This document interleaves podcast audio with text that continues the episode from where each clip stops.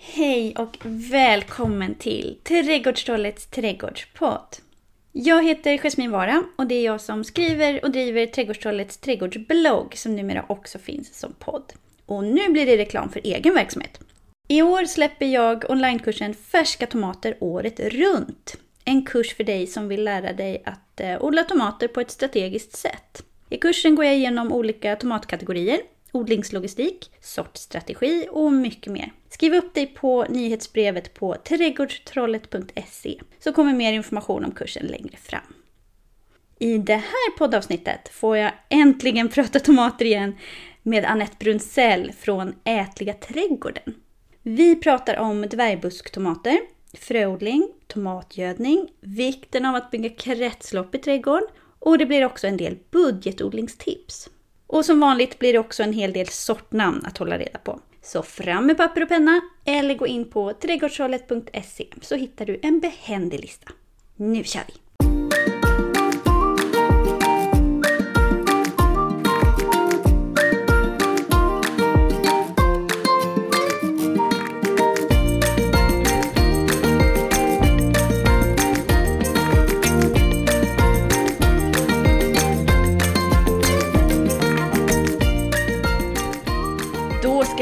Då var vi igång. Hej och välkommen till podden. Jag sitter här i mitt mysiga kontor och kurar och har det bra.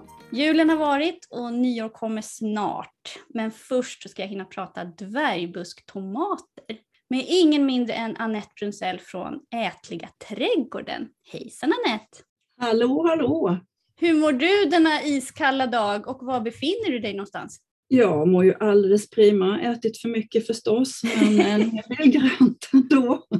Låter härligt. Ja, ja, jag befinner mig i Småland, utanför Alvesta, Benesta närmare bestämt.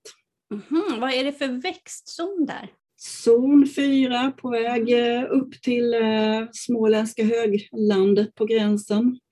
Ja, då har vi nästan samma zon du och jag. Eh, jag bor ju också i typ zon 4, alltså mitt mellan Uppsala och Gävle, men här är det blåsigt så det är nästan zon 5. Jag vet inte, vad, hur odlar du? Vad har du för odlingsförutsättningar? Liksom? Alltså, här är det nästan ren sandlådesand. Ah. mitt i en sandås och det upptäckte jag ju när eh, vi byggde växthuset. Det behövdes eh, alltså inte tillföras någonting utan precis ren sand. Så allt som jag odlar i är tillfört, förutom den lilla gräsmattan som finns kvar med fem centimeter sandblandad jord. Ja, ja. Allt tillför jag. Oj, vad har du för odlingsteknik då? Du täckodlar, kör du bokashi? Ja. Vad kör du för något? Ja, ja, ja täckodlar och tillför mängder med material varje år ehm, och naturlig gödsel med mycket ehm, ja, material, material i helt enkelt. Ja, du har ju höns också. Hjälper de till Ja. någonting? Jag anar Ja, de hjälper till men de gör mycket ofog också. Men eh, det handlar om att tillföra mycket material av alla dess sorter. Alltså förstört ensilage som bönderna inte kan använda, det är ju tacknämligt verkligen. Mm. Så det går åt eh, två, tre sådana jättebalar då, så jag tänker de här stora äggen som man kan se på åkrarna per år i den här lilla trädgården då som är 1400 kvadratmeter. Odlingsytan är betydligt mindre eftersom en stor del är byggnader och parkering. Ah, det är sånt man inte alltid tänker på. Nej, precis. Och sen så har jag ju en eh, odlingslott kan man säga eh, hos min, ma- i min mans föräldrahem där jag odlar eh, 150-200 kvadratmeter ungefär ren täckodling också, men inte så mycket tomater där utan mest annat. Mm.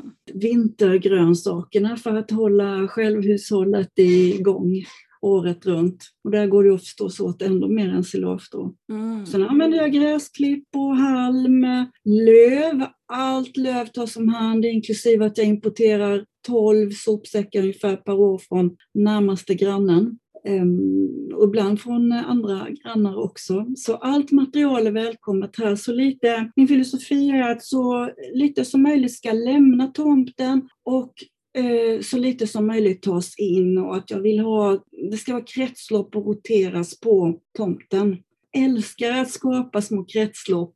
Och det gäller inte minst tomaterna. Och så just det här att man knyter dem nära sig är ju väldigt bra. Att, att det inte är Ja. för stora kretslopp utan att man knyter dem Nej, nära sig.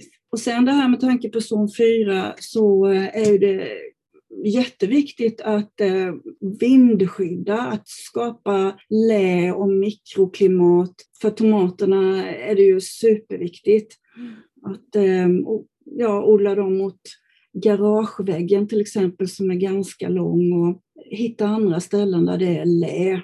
Mm, för det var nämligen min nästa fråga. Alltså hur och var odlar du dina tomater på din tomt? För jag gör ju lite som du. Ja. Jag har ju inget växthus, men jag har en, eh, några liksom skyddade lägen, precis som du beskriver. Jag har en, en lång varm ladugårdsvägg Ja, det är som jag brukar kalla för tomatväggen, liksom Ja, lyxläger. precis. Ja, och där ja. odlar jag. Men jag vet ju att det är många som odlar tomater både utomhus och i växthus och inomhus. Mm. Eh, Hur odlar du tomater?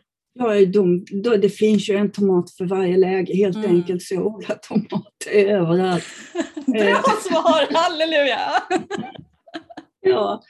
Jag har ju ett eh, växthus eh, som egentligen är byggt som fotostudio, men jag odlar ju en del där då tomater i hinkar. Det är på 29 kvadrat. Och där eh, har jag ju möjlighet att, att i och med att jag odlar i hinkar så har jag möjlighet att flytta ut de här hinkarna om det skulle bli en sån sommar som det var 2018 när det var supervarmt hela Mm. tiden och ja, jag menar det gick, det gick liksom inte att det gick inte att få tomaterna att må bra i växthus hur mycket man än vädrade Mm. och satte på fläktar och, och så. Det gick inte. Sen har jag ett eh, litet, litet växthus som är ju sex kvadrat ungefär som har funnits här i 40 år.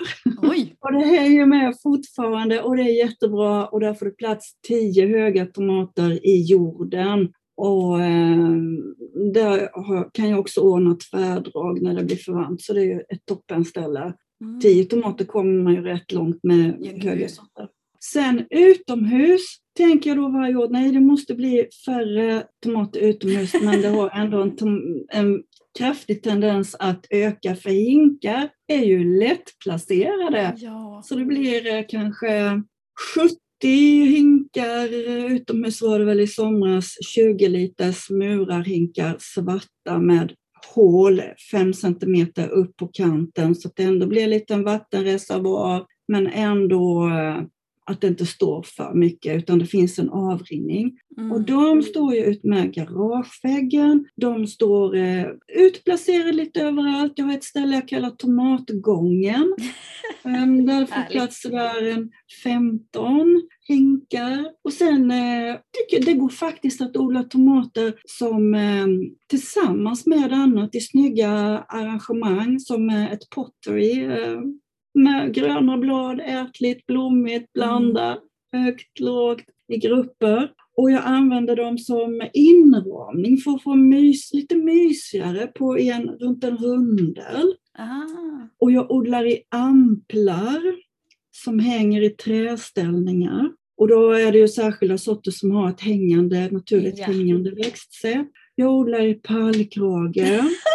Den allra, allra varmaste pallkragen som är mest skyddad och mest mot solen, där blir det kanonskördar.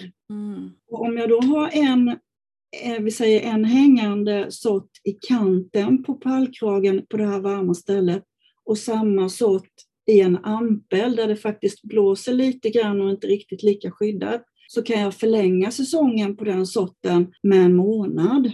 Mm. Och det kan ju vara guld värt. Så det finns många tricks och sen odlar jag ju tomater inomhus förstås då riktigt eh, små sorter. I alla Mm. fall någon planta varje år eh, vill man ha. Även att det kanske ändå finns lagrade tomater så det är kul att gå där och nypa och pyssla. Och, hallå, hallå, där har det kommit något, eh, någon ny blomma idag. Det är något som behöver pillas med, kanske hjälpa till lite med pollineringen som en, som en morgonritual.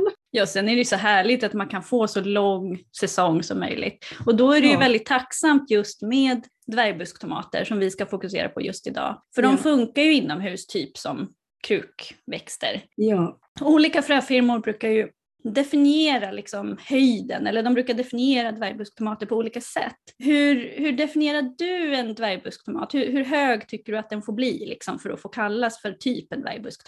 Ja, det här är ett svårt kapitel. Jag har funderat lite på det här då. Alltså, för det första så, eh, så kan man ju säga att en, dvärg, eller en dvärgtomat, det är ju en tomat eh, som man har gjort mindre.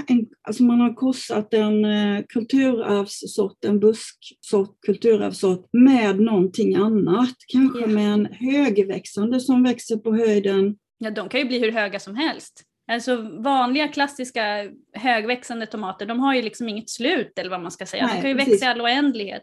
Nej, det kan ju vara bra att förklara det. Medan en busksort då har ju en bestämd eh, höjd. Och då kanske man har korsat två sådana här. Eller man har korsat eh, två bu- busksorter. En väldigt gammal buske med en, eh, en nyare. Eller, ja. Och det gör ju att så fort de här... Det finns då ett projekt i Australien, Dwarf Tomato Project, som har sysslat med detta i 20 år. Och innan de började så fanns det ju bara ett, ett begränsat antal med mindre tomatplantsorter som ger mindre plantor. Och när de satte igång då så har de nu sprutat ur sig dvärgsorter av allting. Du kan få vad du vill egentligen i en mindre variant.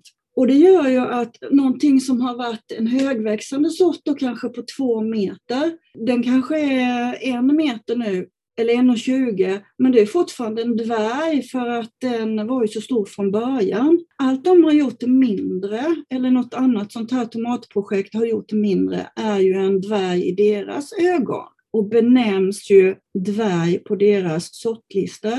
Ja. Så man kan bli ganska överraskad om man köper en dvärg och så får man någon som ändå är 50, 60, 70 centimeter hög. Mm. Eller som aldrig slutar växa på höjden för det finns sådana dvärgar också. Mm. Och det är det som vi i Sverige kanske snarare då skulle kalla för busktomat.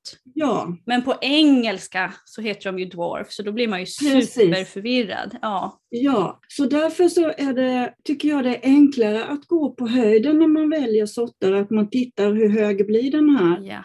Vill jag ha en som är 50-60 eller tänker jag nu att en dvärg den ska jag ha inomhus, då vill jag inte att den ska bli högre än 20-40 centimeter kanske. Ja, mer som en krukväxt. Ja, som en krukväxt. Och det är väl också det som jag vill kalla eh, dvärg. Alltså minitomater, kruktomater kan de kallas, Mm. fönstertomater är en annan benämning. Mm. Det tycker jag väl är, ja, jag skulle vilja att, att, att man hamnar där när man benämner en dvärgsort, att det är de man menar egentligen. Ja, jag håller verkligen med. På svenska sidor så står de är ofta då benämnda som dvärgbusktomater eller som alla de där andra Ja, namnen som Men du det, nämnde. det råder ju en, en väldig förvirring här i och med att det här är ett ganska nytt begrepp. Så 20 år är ju inte mycket inom odling egentligen. Mm. Så, så, eh, och det sprutar ut olika sorter som nämns dvärg då från de Ja. här dwarf, om de här projekten. Så det, det kommer vi att ha, brottas med lite. Det här, Och de har ju till och med det de kallar för, apropå det här eh, Dwarf Tomato Project, de har ju till och med någonting som de kallar för indeterminate dwarfs, det vill säga högväxande dwarfs.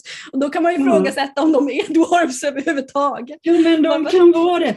Och jag, jag måste ska berätta om en sån sen som jag bara älskar, men vi, vi kommer till det sen. Ja, sen kan det också då, apropå det här med språk, eh, om man nu ändå vill beställa och leta efter eh, fönstertomater, dvärgbusstomater på engelska sidor, då kan man också kika på det som kallas för microdwarfs, för de är då Precis. riktigt små. Och sen Ja, är det också precis. lurigt därför att det beror också på hur stor kruka man ger dem. Ja. Odlar man en dvärgbusksort som är en uttalad dvärgbusksort så blir den högre i en stor kruka och större i en stor Ja. kruka och den blir Ja. mindre i en liten kruka. Så det Ja. är inte helt enkelt faktiskt. Nej, men eh, jag tycker kanske optimalt är då ändå att odla en mikrodwarf i en eh, så stor kruka som möjligt, en fem liters. För att då, eh, får man, då eh, blir den ju inte stressad utan får en så lång leveranstid som möjligt. Mm. Medan om man ger den en väldigt eh, liten enliterskruka hela sitt liv så, så kommer den lättare att drabbas av sjukdomar och eh, svårare att sköta med vattning och, och jämn näringstillförsel. Och liksom, den får inte optimala förutsättningar. Nej, och man själv som odlare blir ju stressad också. Man måste ju springa och vattna som en Ja. idiot hela tiden, flera gånger om dagen. Så ju större Ja. kruka är liksom enklare. Jag brukar Ja. tänka på det som ett vattenglas. Liksom. Ju större vattenglas du har, ju mer sällan behöver du fylla på ditt vattenglas. Ja. Liksom. Och så kan Ja, man så tänka på krukor också. Ja, ja. Hur länge har du odlat tomater egentligen? Jag måste bara fråga. Ja? Jag är ju, har ju några år på nacken då. Jag har faktiskt eh, passerat 60 så jag har ju hållit på ett tag. Eh, men eh, jag har dragit upp egna plantor i 20 år. Och dessförinnan så köpte jag färdiga plantor när jag, liksom, ja, som, som man gör kanske för det mesta när man är nybörjare på någonting. Så det hänger väl rätt så tätt ihop med ehm, att jag tidigare bodde i lägenhet eh, utan balkong. Då var det lite svårare. De senaste 30 åren har jag bott på landet, i en villaträdgård på landet.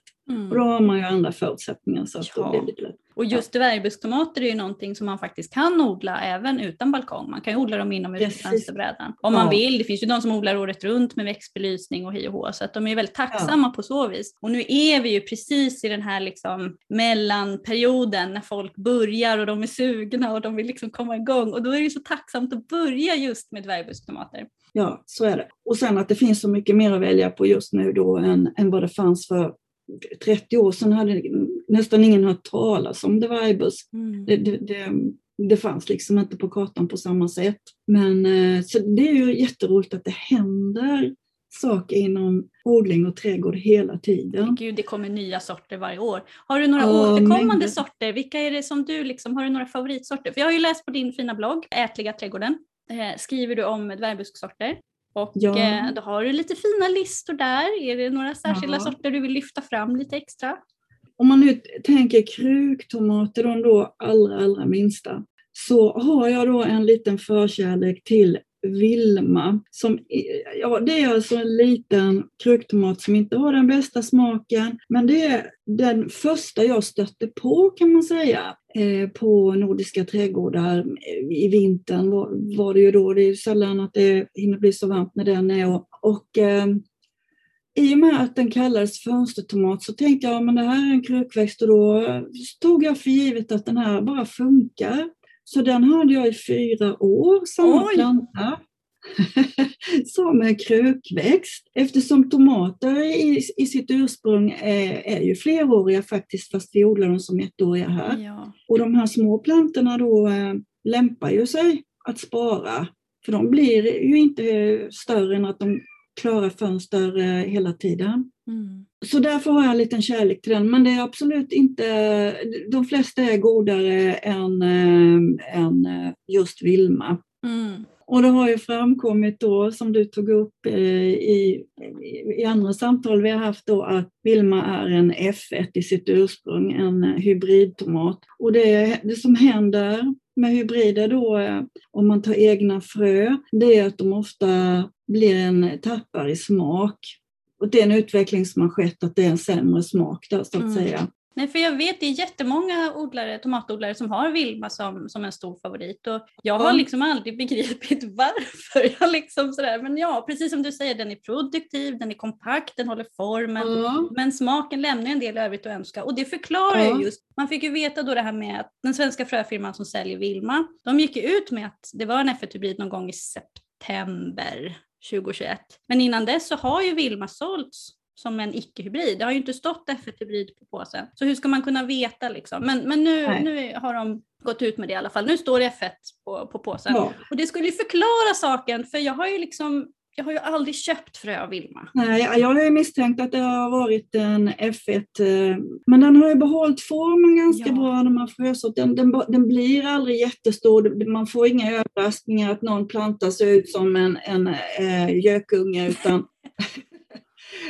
storleken på tomaterna, liksom den har, vi bibehålls det är smaken som har tappat eh, de senaste åren. Och det händer med många andra sorter också, så är att de blir eh, uttröttade så att säga. Det behövs någon liten ny gen för att det ska bli piff på den igen. Ja, annars är den ju pålitlig så tillvida. Men man behöver ju inte bara odla en sort, man kan ju odla Vilma just för att den är så pass produktiv och pålitlig. Och sen kan man ju odla andra sorter för smakens skull. Ja, men om man då ska odla för smakens skull då, har du några favoritsorter som du har som favoriter just för deras goda smak som är dvärgbusk? Ja, då tycker jag Minibell är ju en bra sort. Det är också en liten kompakt, ganska välkänd, det är lätt att få tag på fröna. Den ger bra, men eh, ganska tidig.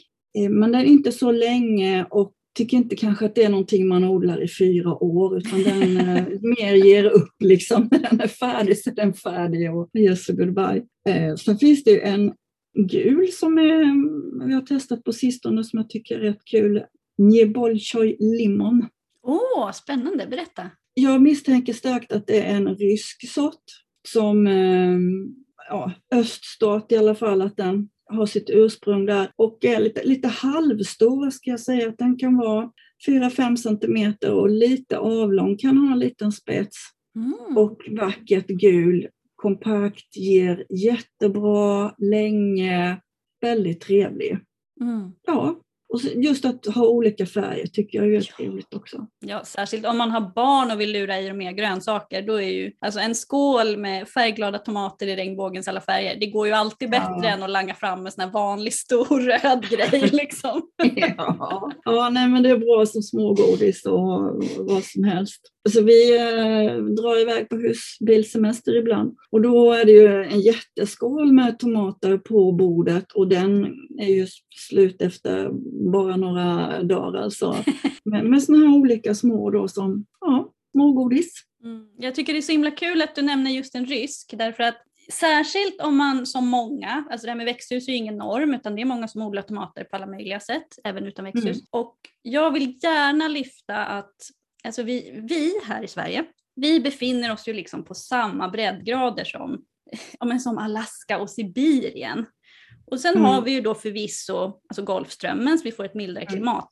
Men alltså, vi har mycket att vinna på att prova mer ryska sorter. Ja, alltså jag, det kan vara mitt största område där jag alltid letat tomater. Mm. Så är det öststaterna och Kanada och mm. ibland kan ha någon ibland sådär. Och det finns enstaka utvecklade för svenskt eller nordiskt klimat också. Ja. Mm. Men eh, dit vill man, åt öst vill man blicka. Tyvärr finns det inte så mycket hos de stora fröfirmorna här, men desto mer om man eh, söker själv.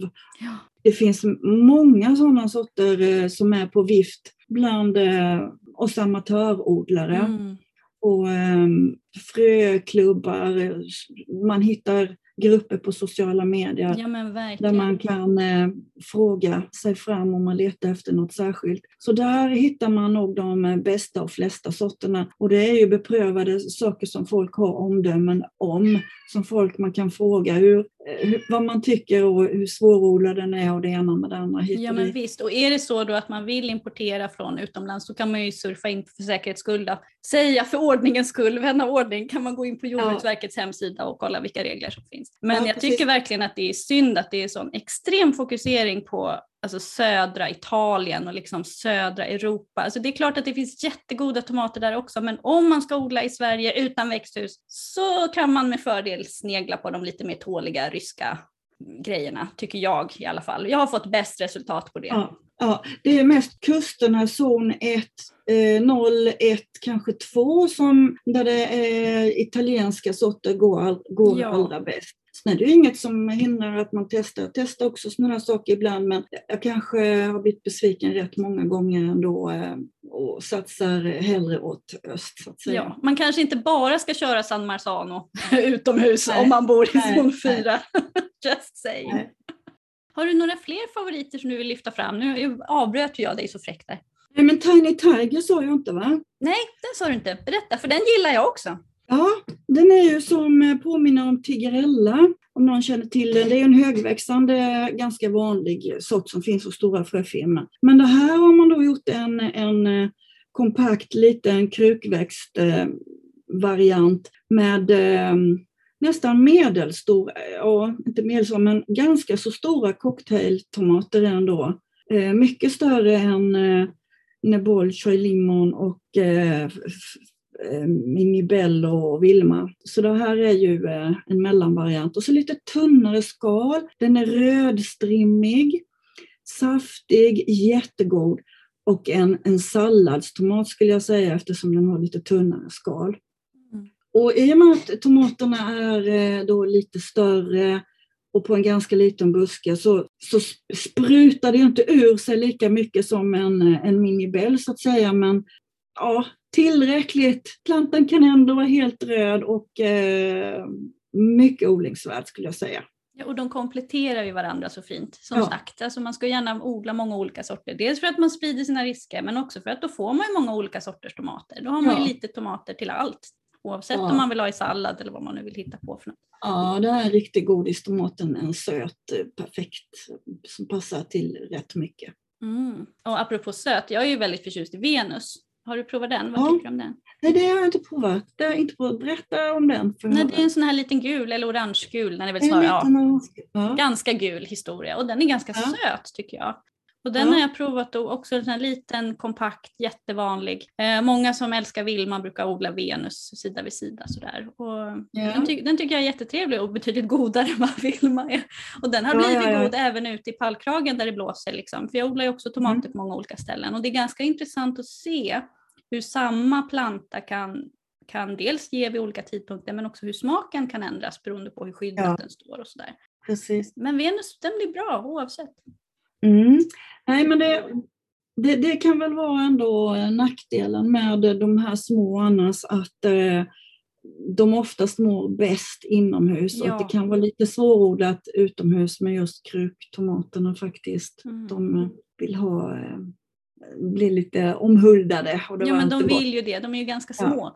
Fördelen är att man behöver inte hålla på och kyva, man behöver ju knappt stötta dem, man, de kan få Nej. några enstaka pinnar sådär men i övrigt är de väl Mm. ganska, ganska snälla tycker jag. Ja, ja, det tycker jag också. Verkligen. Lättodlade. Ja, bra för nybörjare. Om det är så att man vill ha lite större tomater, alltså inte, inte stor som i stor planta utan om man vill ha liksom större tomatfrukter på en liten planta, eh, då kan jag också tipsa om eh, Mongolian Dwarf Microbush. det är en Ja, här okej. jätteknasig sort. Därför att den har alltså, alltså dvärgbuskttomater generellt är ju liksom, allting är ju mindre på dem. Bladen är mindre, frukterna är ofta mindre, de är ganska korta. Men den här eh, Mongolian är ju då, alltså den ser ut precis som en helt vanlig högväxande tomat fast den är jättekort. Eh, Så bladen är liksom normalstora på den fastän den bara blir typ 30-40 centimeter. Och sen har den normalstora tomater på sig så den ser alltså helt knasig ut. Den Ja. blir väldigt bred, kanske inte optimal i ett fönster, men väldigt rolig och produktiv om man liksom vill ha en Ja. så här, liksom vanlig tomat eh, och ändå vill ha en pytteplanta så, så är den jättebra. Men pytteplanta, alltså jag har ju odlat eh, den då på ett par eh, olika ställen. Och när, jag, när jag börjar med en, en, en ny sort så, så vill jag prova den under olika förutsättningar på olika ställen. Så jag har haft den i växthus, då, ett pallkrage och någon i, kruka. Någon i kruka sådär. Jag uppfattade väl kanske inte den som riktigt fröstabil. Eh, stabil. Mhm, du tror att den kanske är... Eh, Den är, jag tror den är väldigt ny. Jag tror inte det har Mm. gått så många generationer sedan man gjorde den här sorten, utan att rätt som det är så poppar det upp eh, exemplar som eh, visar ett annat beteende. Ah, den har inte hunnit stabilisera sig liksom. Nej, och jag vet inte hur många generationer, vad, tror du, kan det gå fem, sex generationer, eller kan i och för sig variera, men innan man kan räkna en sort som fröstabil? Ja, vad säger man, är det sju, sju generationer eller mer? Alltså det kan säkert vara olika Ja. från olika sorter. Ja, så därför eh, så eh, är det säkert många sorter på vift som, där det fortfarande poppar upp eh, plantor som inte är, motsvarar riktigt de förväntningarna som man hade tänkt sig när man tog fram plantan. Och det är ju inget konstigt med det, för det kan ju hända, det händer i naturen och det händer överallt. Och det är ju sånt som, sådana naturliga variationer som bidrar till att det också uppstår spontant nya sorter. Mm. Så det, å ena sidan kan det vara kul att ta vara på något som sticker ut, å andra sidan så om man nu vill ha en planta som bara är 20 cm hög så kan man ju tänka på att inte ta frö från de som avviker. Ja, Utan man tar från sina plantor som motsvarar mallen så att säga mm. i alla fall. Då hade jag en sån, eh, en sån eh, Mongolian Dwarf då, som jag, jag räknar dem som marktäckare. En planta, en sån planta tar upp en halv pallkrage hos mig de blir breda. De blir breda. Oh, Ja, de kryper ju ut, alltså grenarna ligger ju nästan längs marken och brer ut sig något fruktansvärt. Och särskilt just i den pallkragen då där, eh, som har så gynnsamt klimat, där det, eh, som är mest i solen och mest skyddat och har fått bra med vatten och det blir såna här jätteplantor. Däremot hörde jag en som eh, marktäckare som undervegetation i, eh, lilla växthuset där jag odlar direkt i jorden. För jag tänkte det är alltid bra att utnyttja utrymmet. Mm. Och där bredde den faktiskt inte ut sig riktigt lika mycket men det var fortfarande en bra marktäckare. Mm. Har du provat den i ampel då? Nej, Det har jag gjort kan jag säga. Gör inte det för grenarna knäcktes, det blev för tungt. ja, det blev för tungt. Ja, Ja, precis. Det blev ju för stora. otroliga mängder tomater. Jag var verkligen förvånad hur mycket en planta kan leverera. Nej men verkligen, Ja. man, man, man tappar hakan alltså. Det, Ja, Mm. ja. Eh, Däremot tyckte jag kanske inte den var den allra, allra godaste på, bland mina tomater, men den har ett fantastiskt värde just för mängden och liten yta. Såser, ketchup, alla sådana här kok man vill göra och spara. Underbart till det. Då är den precis rätt. mm. Eller om man vill grilla den, dela och grilla. Eller, ja, så den har ett stort användningsområde. Ja gud, och särskilt för dig som självhushållare så förstår jag att det Ja, ja, ja visst. Mm. Ja, visst.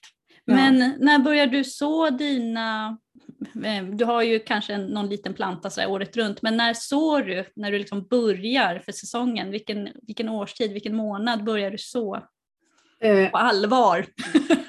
på allvar.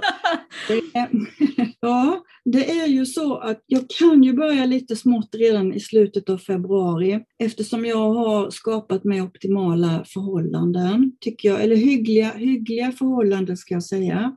Och eh, här är ju en jättefälla för nybörjare att gå i, eller jag är inte bara nybörjare utan jättemånga som går i den här fällan och faktiskt börjar för tidigt. Så jag skulle säga så här, att om man inte har möjlighet att hålla plantor i olika temperaturer och styra det själv, utan man bara hänvisar till ett fönster eller, en ut, eller ett inglasat rum eller, eller man börjar odla direkt ut, så då skulle jag börja i mars, april. Mm. April om jag är i zon 4 och mars i, i lägre zoner.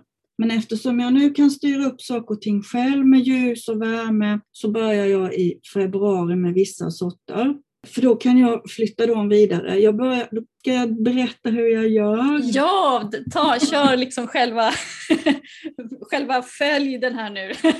Följden, ja. Jag, jag sår då i papperskrukor som är 5-6 centimeter i diameter och en eh, kanske knappt 8-9 höga som jag gör själv med hjälp av en krukmakare. Mm, bra budgetodling. Ja, jag gör alltså nästan tusen sådana papperskrukor då för de används till lite annat också. Oho.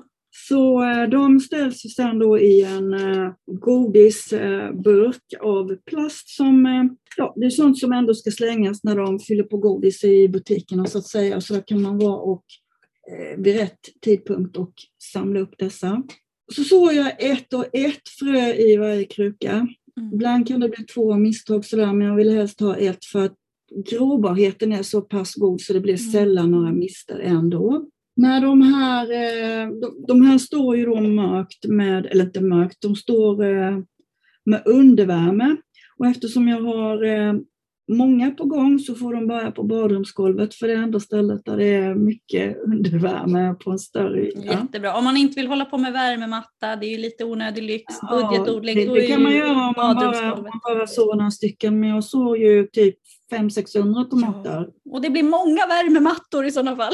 Ja, så det skulle jag inte klara, utan där är det golvet. Och det är för att jag också odlar plantor till försäljning Mm eh, under en trädgårdsdag som vi har i eh, grannbyn här. Så det, de är inte till mig själv, alla plantorna. Men i alla fall, de börjar sitt liv på eh, badrumsgolvet.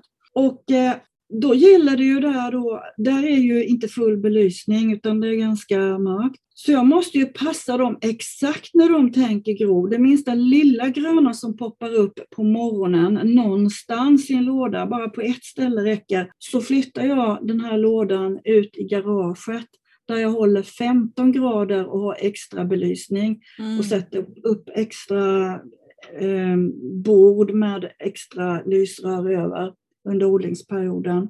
Mm. Och då har jag belysning eh, som hänger 20 centimeter över. Det vill säga Vanliga- ganska nära, mycket Ja, närmare än ganska vad många hobbyodlare Det är vanliga, vanliga LED-lysrör så det är inga konstigheter. Och sen hänger de i kedjor så att jag kan med en S-krok av ståltråd binda ihop kättingen så att den blir kortare och kortare och kommer högre och högre upp allt eftersom plantorna växer. Mycket bra.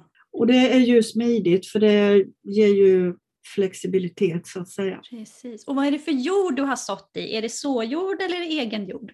Eh, så här tidigt på året, om jag nu börjar i februari för att ha plantor färdiga till eh, försäljning så att säga och kanske några till mig själv då, då, då har jag inte blandat så mycket egen jord för det kan vara fruset här då, det kan vara värsta vargavintern hos mig i Mm. februari och ända in i mars faktiskt. Ja. Så då, I en början så använde jag köpt såjord och köpt plantjord eller tomatjord på säck. Och det, det här har jag ju ett utvecklingsområde. Här kan jag ju jobba lite mer.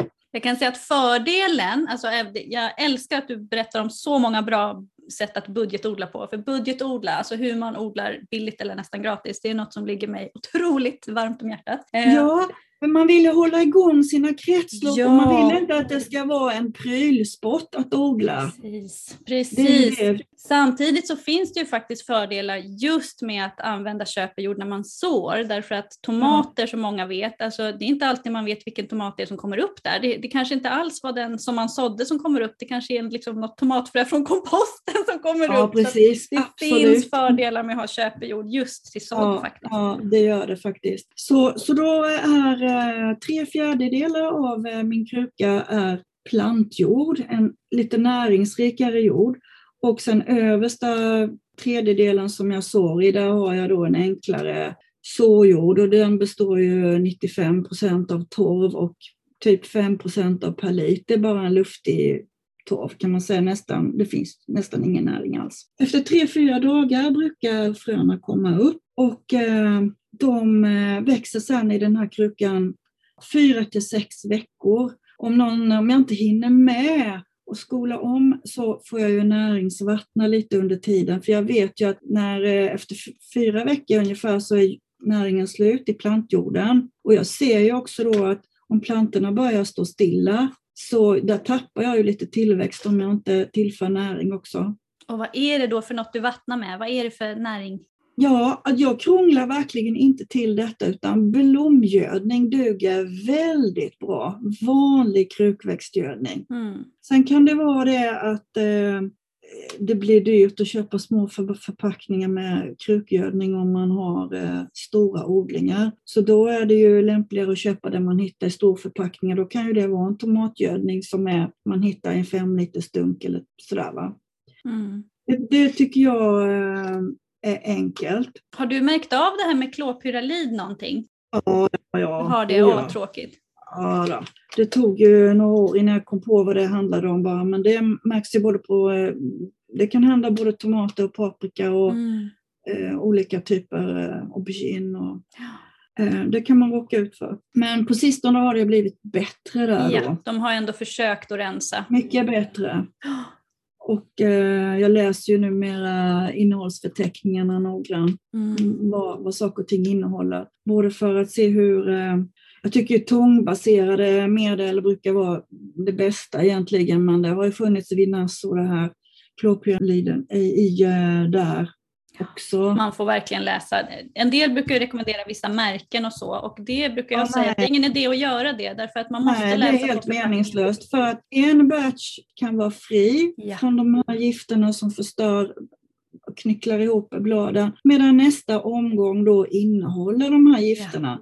Och det är oavsett firma. Ja. Så, så det, utan man får prova sig fram. Ser man att bladen börjar må dåligt och att de liksom är ihopdragna som om någon hade nypit i dem eller beter sig konstigt och det inte finns någon ohyra eller någon orsak till det egentligen, då är det bättre att byta flytande gödning. Då är inte den bra som man håller på med. Men det tar ju tre, fyra veckor innan det här visar sig.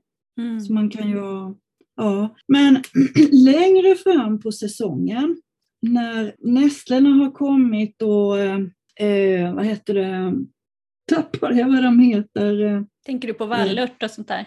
vallörten tänkte jag på precis ja. När det är dags att skörda dem, då skördar jag ju grönt och gör egen gödning. Mm. Men jag vill alltså inte ha för mycket nässlor i utan eh, hellre, nej, jag, jag ligger lite lågt med det faktiskt för att jag är rädd för för mycket kväve Mm. till plantorna. Och Så då handlar- måste jag fråga varför. Jag vet ju svaret, Ja. så det här är ju lite förmätet. Men de som lyssnar vet inte varför. Varför ska man inte ge för mycket kväve till tomater? Nej, men vi kan väl bara reda ut det här då, vad, vad kväve finns. För det finns ju i nässlor, färskt, och, färskt organiskt material, alla möjliga gröna växter när det är färskt. Då är det mycket kväve i det och det är också mycket kväve i hönsgödsel. Oh ja. Och kväve det stimulerar bladtillväxt och tomater räknas inte som en bladväxt utan vi räknar det som en blommande krukväxt och då vill vi gynna blomningen och inte för mycket blad.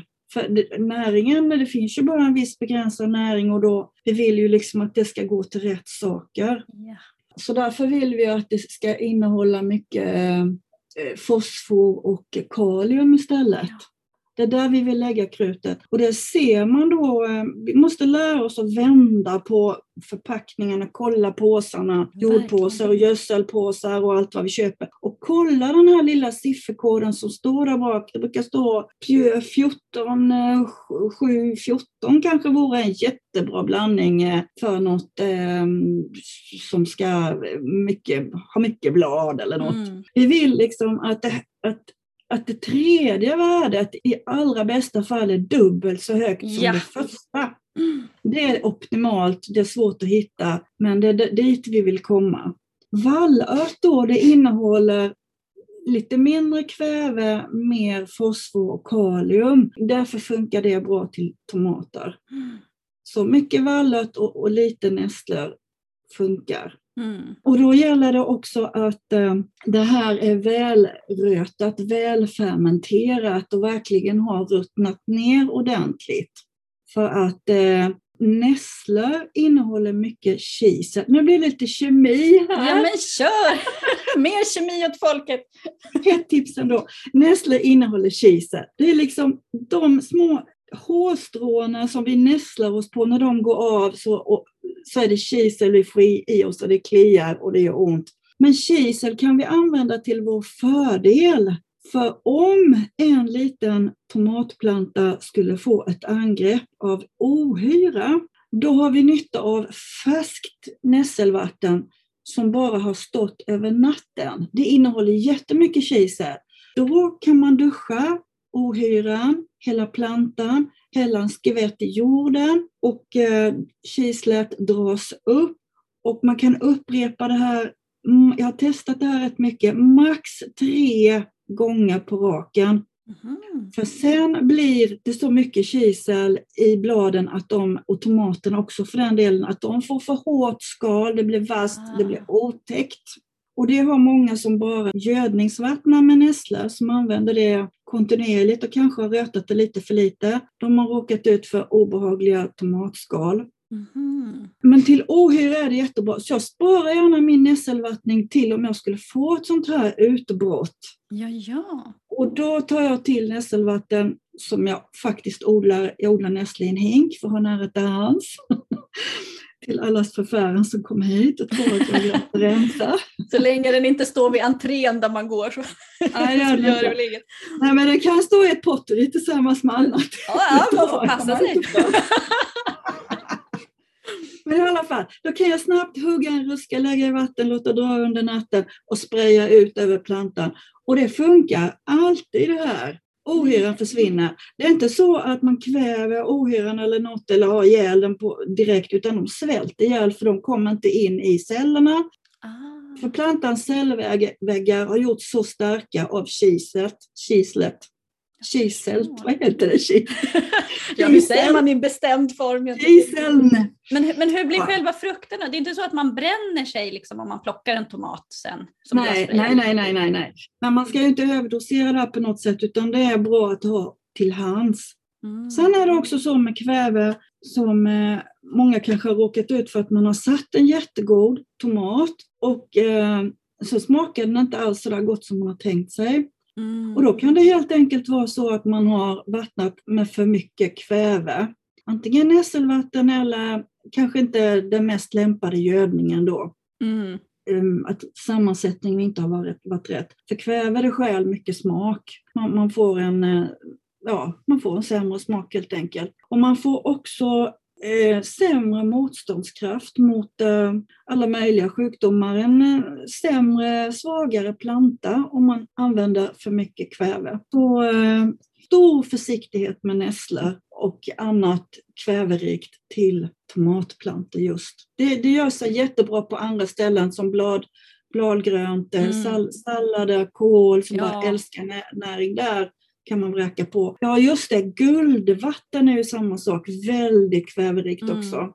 Och det vet ni, det, det är kiss, kissvatten, färskt kissvatten. Jättebra till odlingarna, kålen, mellan raderna och på allt annat bladgrönt men inte tomaterna. Mm, nej, för precis. För, alltså det är klart i början då vill man gärna bygga bladmassa när den är liten men man odlar ju inte tomater för bladens ja. skull. Man vill ju ha ja. tomater. Man, vill ja, ja, ja. man, kan ge en dos, man kan ge en dos i, i början sådär innan plantorna börjar visa blommor och knoppar och, och sådär. För att få en, en grön planta som, som är stark och fräsch och sådär. Men inte hålla på när, när plantorna börjar få knoppar och blomma då får man absolut lägga av med kvävetillförseln. Var försiktig med det.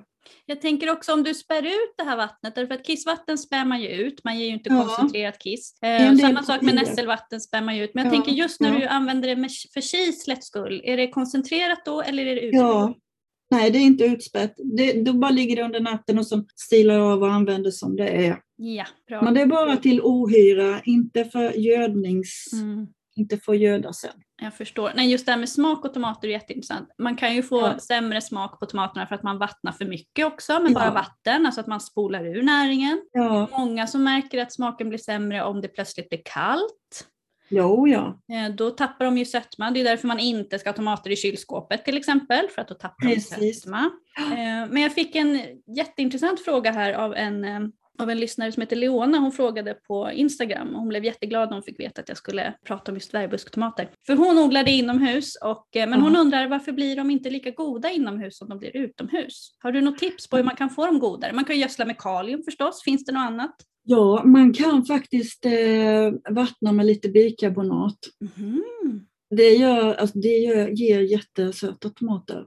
Man kan ju prova så... i alla fall. Hur mycket ska man ta då rent mängdmässigt ja, ungefär? Ja, nu har jag inte kollat exakt eh, och det är inte jättekänsligt så. Men man kan till exempel strö en matsked bikarbonat eh, lite över jorden. Och då tänker jag en fem liters kruka då kanske inte en liten matsked, struken matsked om vi säger.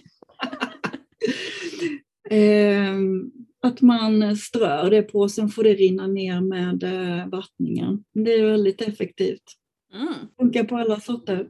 Ja. Då får hon verkligen prova det. Ja. Men annars är det ju det här med ljuset som är det stora problemet ja. man, eh, odlar, när man odlar i fönster året runt då kanske. Man kan inte förvänta sig lika goda tomater som en solig sommardag utomhus. Mm. Utan det, det, är, eh, det är en annan sak helt enkelt. Fördelen är ju att de är närodlade, man behöver inte bära hem någonting från butiken. Man kan sträcka ut, dem, sträcka ut handen och bara ta. Så det är den själva vinsten. Men super, supergoda sorter är svårt att få när det inte är solsäsong alltså. Mm. Tyvärr är det bara så. Nej, jag vet, du håller ju odlingskurser. Vad är de vanligaste ja. tomatfrågorna du får av dina kursdeltagare? Vi har ju berört det faktiskt och det är ju gö gödsel, gödning. Ja, en evig fråga. Ja, folk blir jätteförvånade när jag berättar om kväve och fosfor och kalium för att man inte är van vid att hålla reda på kemin. Man, mm. man, eh, har ju läst detta när man gick i skolan, det har vi ju alla gjort, men sen har de flesta av oss glömt det, så om vi inte kanske är trädgårdsmästare eller sådär. Um, så det är svårt för många att ta till sig att man måste läsa på värdena. Mm. Och sen eh, att hitta ett system med att förstå vad som är mycket kväve i. Mm. Att det är just färskt. Men däremot samma, om vi tar gräs, färskt gräs, det är mycket kväve i det. Men när det har torkat och blivit brunt, då har ju kvävet brutits ner så att säga. Och då är det fullvärdigt eh, gödsel. Mm. När det är torkat material, torkat gräs, torkade löv, torkat allt möjligt. Det innehåller ju rätt saker. Mm. Då innehåller ja. det liksom andra saker plötsligt, även om det fort, alltså, ja. ja den här processen. Ja. Ja, så, så det är en så här bra tumregel att färskt material innehåller kväve och eh, visset förmultnat innehåller andra bra saker. Mm. Som fosfor och kalium och massa annat och dessutom ett litet djurliv som vi gärna vill ha med oss. Ja gud, det vill vi ju gärna främja. Nej, kalium är ju så tacksamt för det kaliumgödslar ju smak. Så att jag, ja, och, det, och då brukar folk fråga så här, ja men det finns ju inget gödsel som innehåller bara kalium. Nej, det finns Nej, inte det. det. Men det finns Nej. gödsel som inte innehåller kväve om man tänker att man vill köpa ja, någonting. Eh, och då finns det, det är ofta de här höstgödslarna. Ja, ska precis. inte gödsla med kväve på hösten så då är det ju Nej. bra då med de här. Och då kan man köra på det som ett komplement. Om man har sitt gräsklipp, man har sitt guldvatten, då kan man köra på det här andra som ett komplement om man vill. Om man inte vill hålla på med vallört. Ja, precis. Och eh, kalium stimulerar ju blom, eh, och blomningen.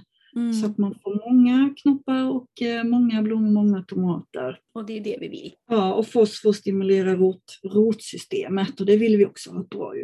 Mm. Jag tänker mm. också på det här med ljus som du berättade. Någonting av mm liksom ett sånt här superklassiskt rookie mistake som jag upplever är just det här med ljus. Att man, ja. man odlar för mörkt och man odlar för varmt och vad händer ja. då? Hur ser plantorna ut då? Ja, alltså det blir ju, plantorna blir mycket högre de kan till och med bli, eh, man ser skälkarna kan vara genomskinliga. Mm, de blir nästan vita. I, i, värsta, ja, i värsta fall. Det här är, jag tror alla, vi alla har gjort det här misstaget någon gång, mm. även om man är, har hållit på länge och vet hur det ska vara. Så det kan ju hända mig att jag glömmer, eh, missar någon, något frö på golvet där nere i, i badrummet och eh, har plantan blivit kanske fem centimeter innan jag hinner flytta ut den till svalare läge. Då kommer jag ha en ranglig planta eh, om jag inte gör någonting åt det på vägen så att säga. Mm. Och då tänker man, ja vad gör det om det blir en ranglig planta, den blir lite högre. Ja, problemet är att rangligheten följer med hela livet och blir bara värre och värre. Och även om jag då har en liten busksort som ska vara kompakt och låg och fin så kommer den, eh, så kommer ju den att bli högre och eh, grenarna blir skörare. Den kommer att gå av lättare när det blir stor skörd, särskilt eh, om jag nu har som eh, Mongolian Dwarf som vi har nämnt då, som blir, ger så otroligt och som är stora tomater. Där går grenarna av jättelätt. Ja, den har inte en chans, det är kört. ja, det är kört. Mm. Och sen så är den ju svårare att eh, sköta och stötta. Små, små stadiga plantor kanske man inte behöver stötta alls stötta en busktomat är ju ändå lite, sådär, lite omständigare kan det ju vara än, än en högväxande ändå. Och eh, får det här pågå så blir det ju också ett sämre motstånd mot sjukdomar och mm. ohyra. Eh, ja, det följer med hela vägen. Och sen eh, så kan det också vara så att man får mindre skörd för att eh, om vi nu inte ser bara till de allra minsta kruk, tomaterna utan halvstora busktomater eller högväxande plantor om jag får blanda in dem i detta ja, sammanhanget. Ja, självklart. Om vi bara, för det är enklare att ta ett exempel här. Om vi har en högväxande tomat som börjar med att vara ranglig. Om vi säger att det är en decimeter till första bladparet när den är liten och sen kanske en decimeter till till nästa. Då kommer det i slutändan att vara kanske 70-80 centimeter mellan våningarna mm. innan den den här plantan hamnar i växthus istället för 30-40. Ja. Och det, har man då eh, kanske två meter i taket, då får det bara plats tre våningar, våningar av tomater istället för fem. Ja.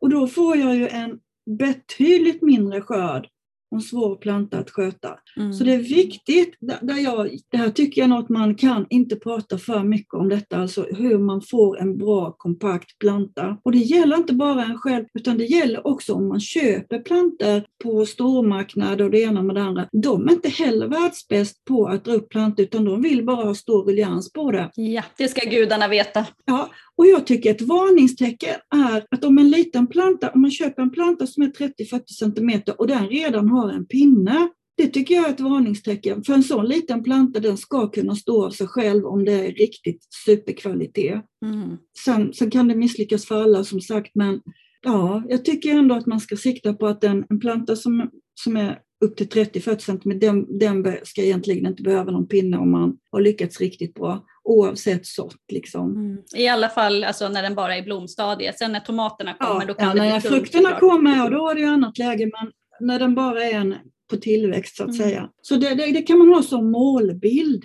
Mm. Och som du sa då så är det ju förhållandet värme och ljus Ja. det handlar om. För när plantan, Eh, fröet ska gro som jag säger, då har jag ju det med undervärme på badrumsgolvet. Jag vill det ska gro snabbt, det ska gå undan. Men sen så fort det minsta lilla gröna syns, då vill jag att det ska gå långsamt för att den hinner utveckla sin, eh, och bli, eh, sin stabilitet och bli en knubbig planta. Så då behöver den jättemycket ljus.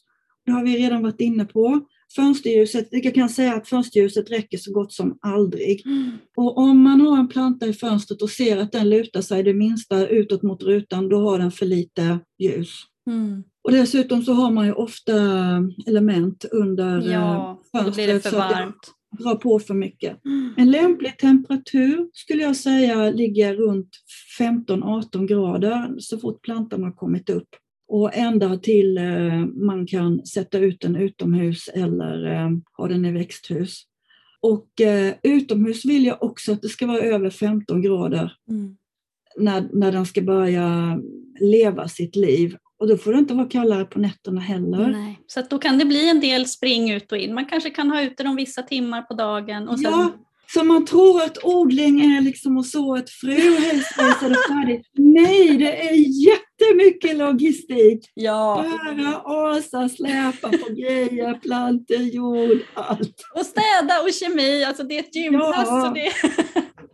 Ja. Nej, men odlingslogistik verkligen. Men om det, nu, alltså, om det nu är så att man inte har det så lyxigt, för jag har det också så lyxigt nämligen. Jag brukar dra upp mina plantor ungefär som du på ett liksom, lite mörkare, lite varmare ställe. Ja. Sen när de kommer upp så flyttar jag dem, jag har ett växtrum. Där är det ungefär 16 plusgrader. Ja. Eh, när temperaturen sköter sig, det är inte alltid det händer, men cirka 16. Ja. Eh, och tilläggsbelysning och där står de Ja. tills det är dags att ta ut dem. Och då får jag springa lite ut och in. Då blir det här liksom tomatgympasset som jag kallar det för. Ja, ja, Men om man ja. inte har den lyxen, vad kan man göra då? Vrida av elementet? Finns det något Ja, man, man, kan göra? man kan göra en odlingsstation egentligen vad som helst. eh, Om man bor i lägenhet så kan ju sovrummet vara det bästa för då kanske man ändå mår rätt bra av att ha det runt 16 grader. Och eh, man är inte där dagtid så mycket kanske och eh, man kan stänga till dörren. Mm. Och då gör man bara en odlingsstation där, ett lysrör från taket eller hur man ordnar det, ett extra bord som kan stå precis var som helst. Och sen eh, duk över, jag brukar ta en vaxduk över som skyddar bordsytan. Och sen kan man göra alla möjliga olika stationer där. Man kan ju ha en bokhylla där man bygger in eh, lysrör eller hur man ordnar det. Det finns mycket inspiration att hämta Mm. på nätet där. Vad eh, har du för watt ungefär? Eh, För jag tycker ofta att om man tittar på sådana färdiga grejer som man köper i butik så tycker jag att de har väldigt lågt wattantal. Ibland kan Ja. det vara så lågt som 7 eller 9 watt och det tycker jag är väldigt lite.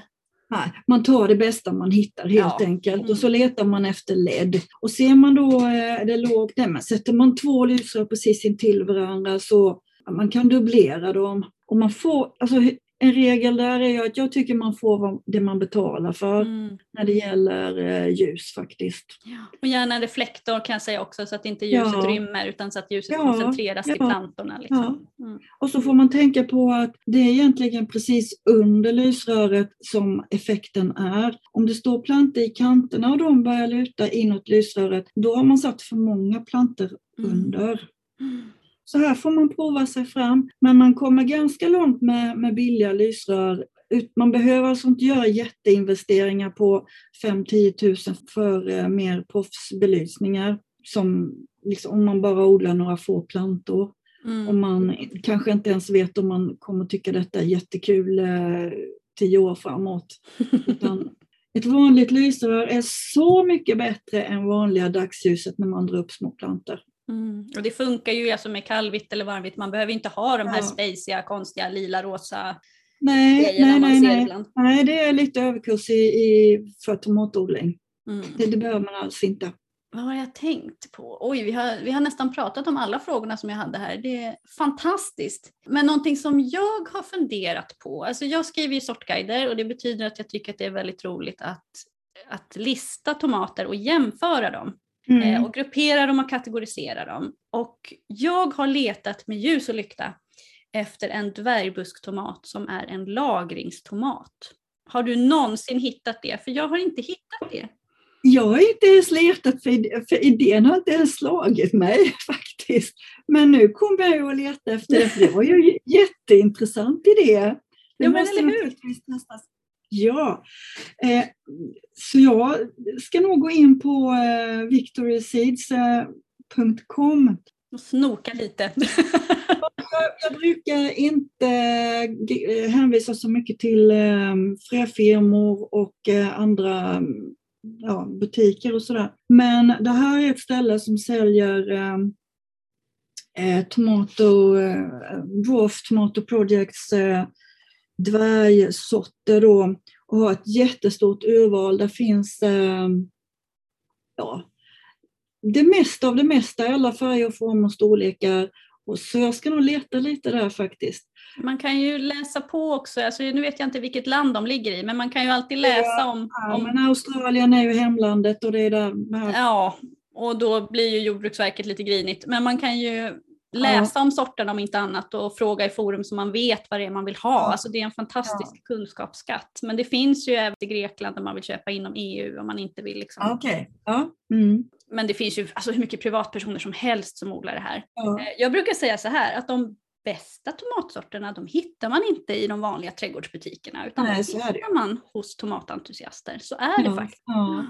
Men någonstans måste man hitta sin information och då är det ju utmärkt att läsa mm. och plugga. Och... Det kan ju vara bra ändå att se bilder. Även ja. om man är på sidor där man inte får importera eller någon blir grinig, så, så kan de ändå ha bra bilder så man ser vad man kan förvänta sig. Och ja. att det här är, det här är den eh, mall, så här ska de se ut och vill man då behålla det sortnamnet så, så tar man bort det övriga. Då, då sparar man inte frö på dem utan man behåller som det var tänkt, modellen Precis. som var tänkt från början. Jag tänker också det här om det nu är så att man väldigt gärna vill fröodla en sort eh, så kan mm. det också vara bra att man är lite selektiv med från vem man, alltså vilken privatperson man köper sina frön därför att det är mm. ganska stor skillnad på att förädla och på att alltså, fröodla i bevarandesyfte. Alltså att man vill, precis som du säger, man vill att den ska vara sorttypisk, man vill att den ska bete sig som den ska, man vill att den ska ha den färgen den brukar och så vidare. Ja. Eh, och då är det ju avstånd som gäller. Man får inte klumpa ihop sina tomatplantor hur som helst, för då kan det bli korspollinering faktiskt. Det kan hända, även om det är ovanligt. Det är Men ovanligt. jag, ty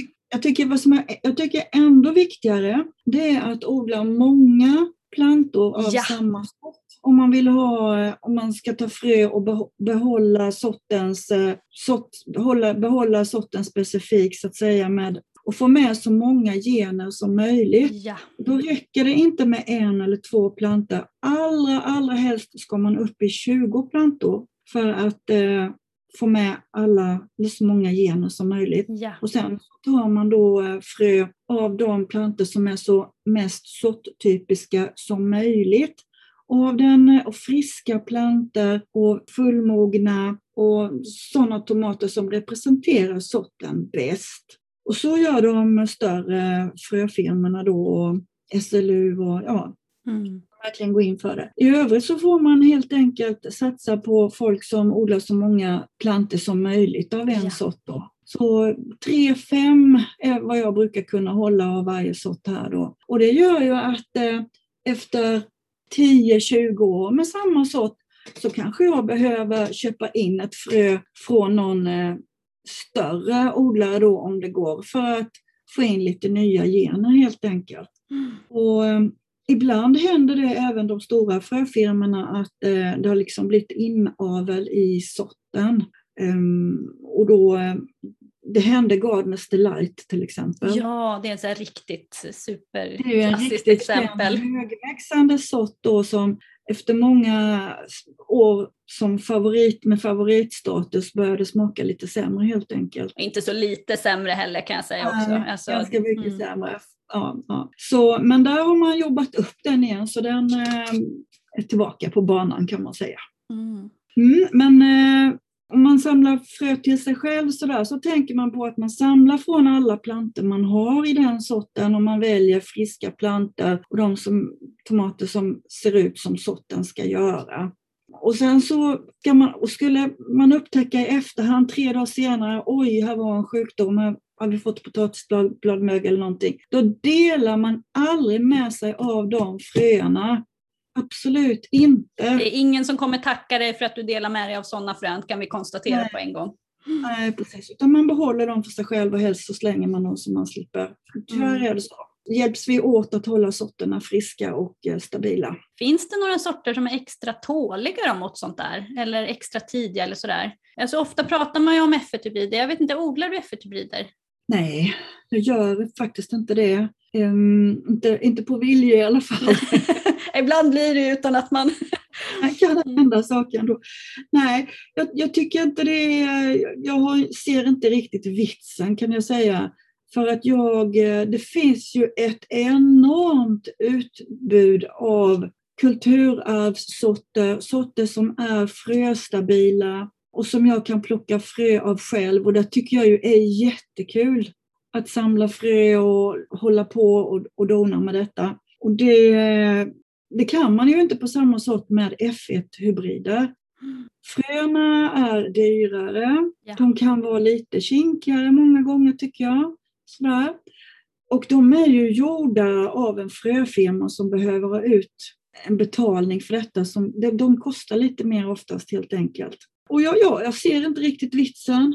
Men sen så om det är någon person då som, som tycker att ja, jag ska bara ha tre planter och jag drar inte upp egna planter och håller på och donar med det, det är onödigt. Men då är det ju jättebra att det finns kanske färdiga planter att köpa och de kan vara F1-hybrider. Och det, det, vet man inte för det brukar man, man brukar inte skriva ut det. Det är inte ens alltid sortnamnet står utan det kanske bara står busktomat eller mm. någonting.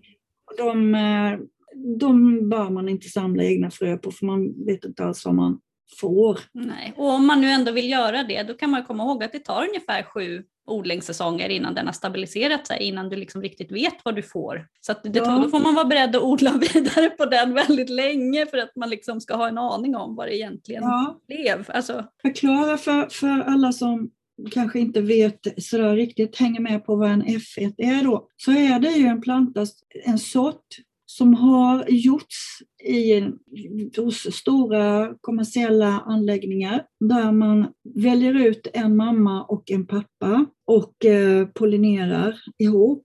Och eh, man tar bort ståndarna och pollinerar med, med ståndare från en annan. Det är alltså inte en spontan korsning om det är någon som tror det? Nej, precis. Utan det, det har, den har en bestämd mamma, en bestämd pappa. Den är ju alltså, eh, de är hemliga de här. De kan vara kanske varumärkesskyddade också. Mm, klassas som affärshemligheter ofta. Ja, det är de det. som jobbar på de här firmorna får skriva på sekretessavtal. Ja. De förekommer ett visst antal år och sen när de är utarmade så att säga, då får man hitta på en, en ny sort.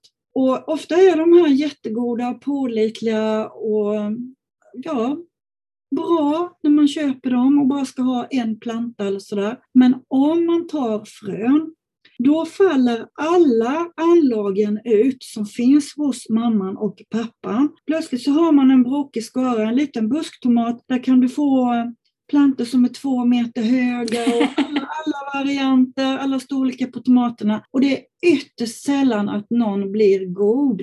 Det kan hända att det dyker upp någon variant som kan vara värd att ta vara på. Du kanske behöver sätta hundra planter för att hitta just den som blir god.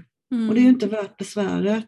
Nej, eller så kan man använda dem då för att ta fram nya sorter, men det tar så lång tid och det kräver så stor ja. arbetsinsats. Och då är det många som säger då i de här tomatforumen, när man påtalar detta, som menar på att ja, men jag tog min frö från en köpetomat och, i ja. mataffären och den blev min sann likadan. Ja, det kan ju hända. Oh, den, kan, den kan ju bli väldigt lik, men den blir ju inte ja. exakt genetiskt likadan. Nej. Och sen behöver det inte vara F1. Det är ju, tycker jag nog ganska osannolikt att det är F1-sorter som eh, man har i, eh, i, i affären. För att de har ingen anledning att satsa på så dyra frö. Liksom. Och de ja, det, det, det, beror på, alltså på kedja ska jag tala om för dig. Det är jätteolika okay. beroende på vilken matkedja. Vissa matkedjor ja, kör ju bara F1-hybrider och okay. andra gör det betydligt mindre. Så det, där, det, det, är alltid bättre att utgå från att det är F1. För då, för då ja, liksom... det håller jag, ja, det håller jag absolut med om att man... Och sen kanske det är det att om man tar frö i en affär, då vet man inte vilken sort det är så att säga. Man kan inte dela med sig den till någon eftersom man inte vet.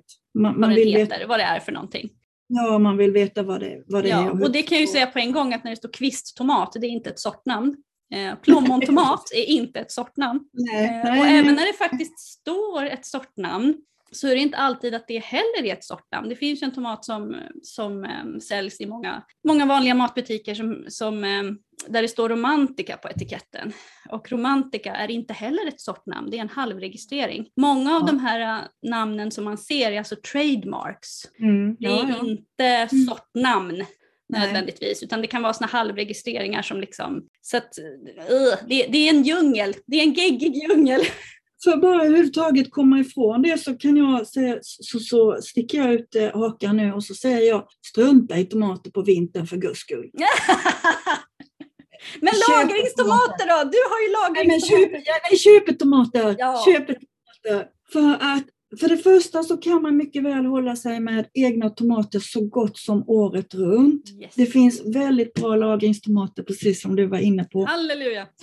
Ja, tack och lov. Jag har imponerat så på mina julgäster här nu med eh, en liten eh, lång Keeping Cherry, en gul eh, härlig vintertomat, söt fin. Men i alla fall, det är alltså inget fel i att längta efter någonting.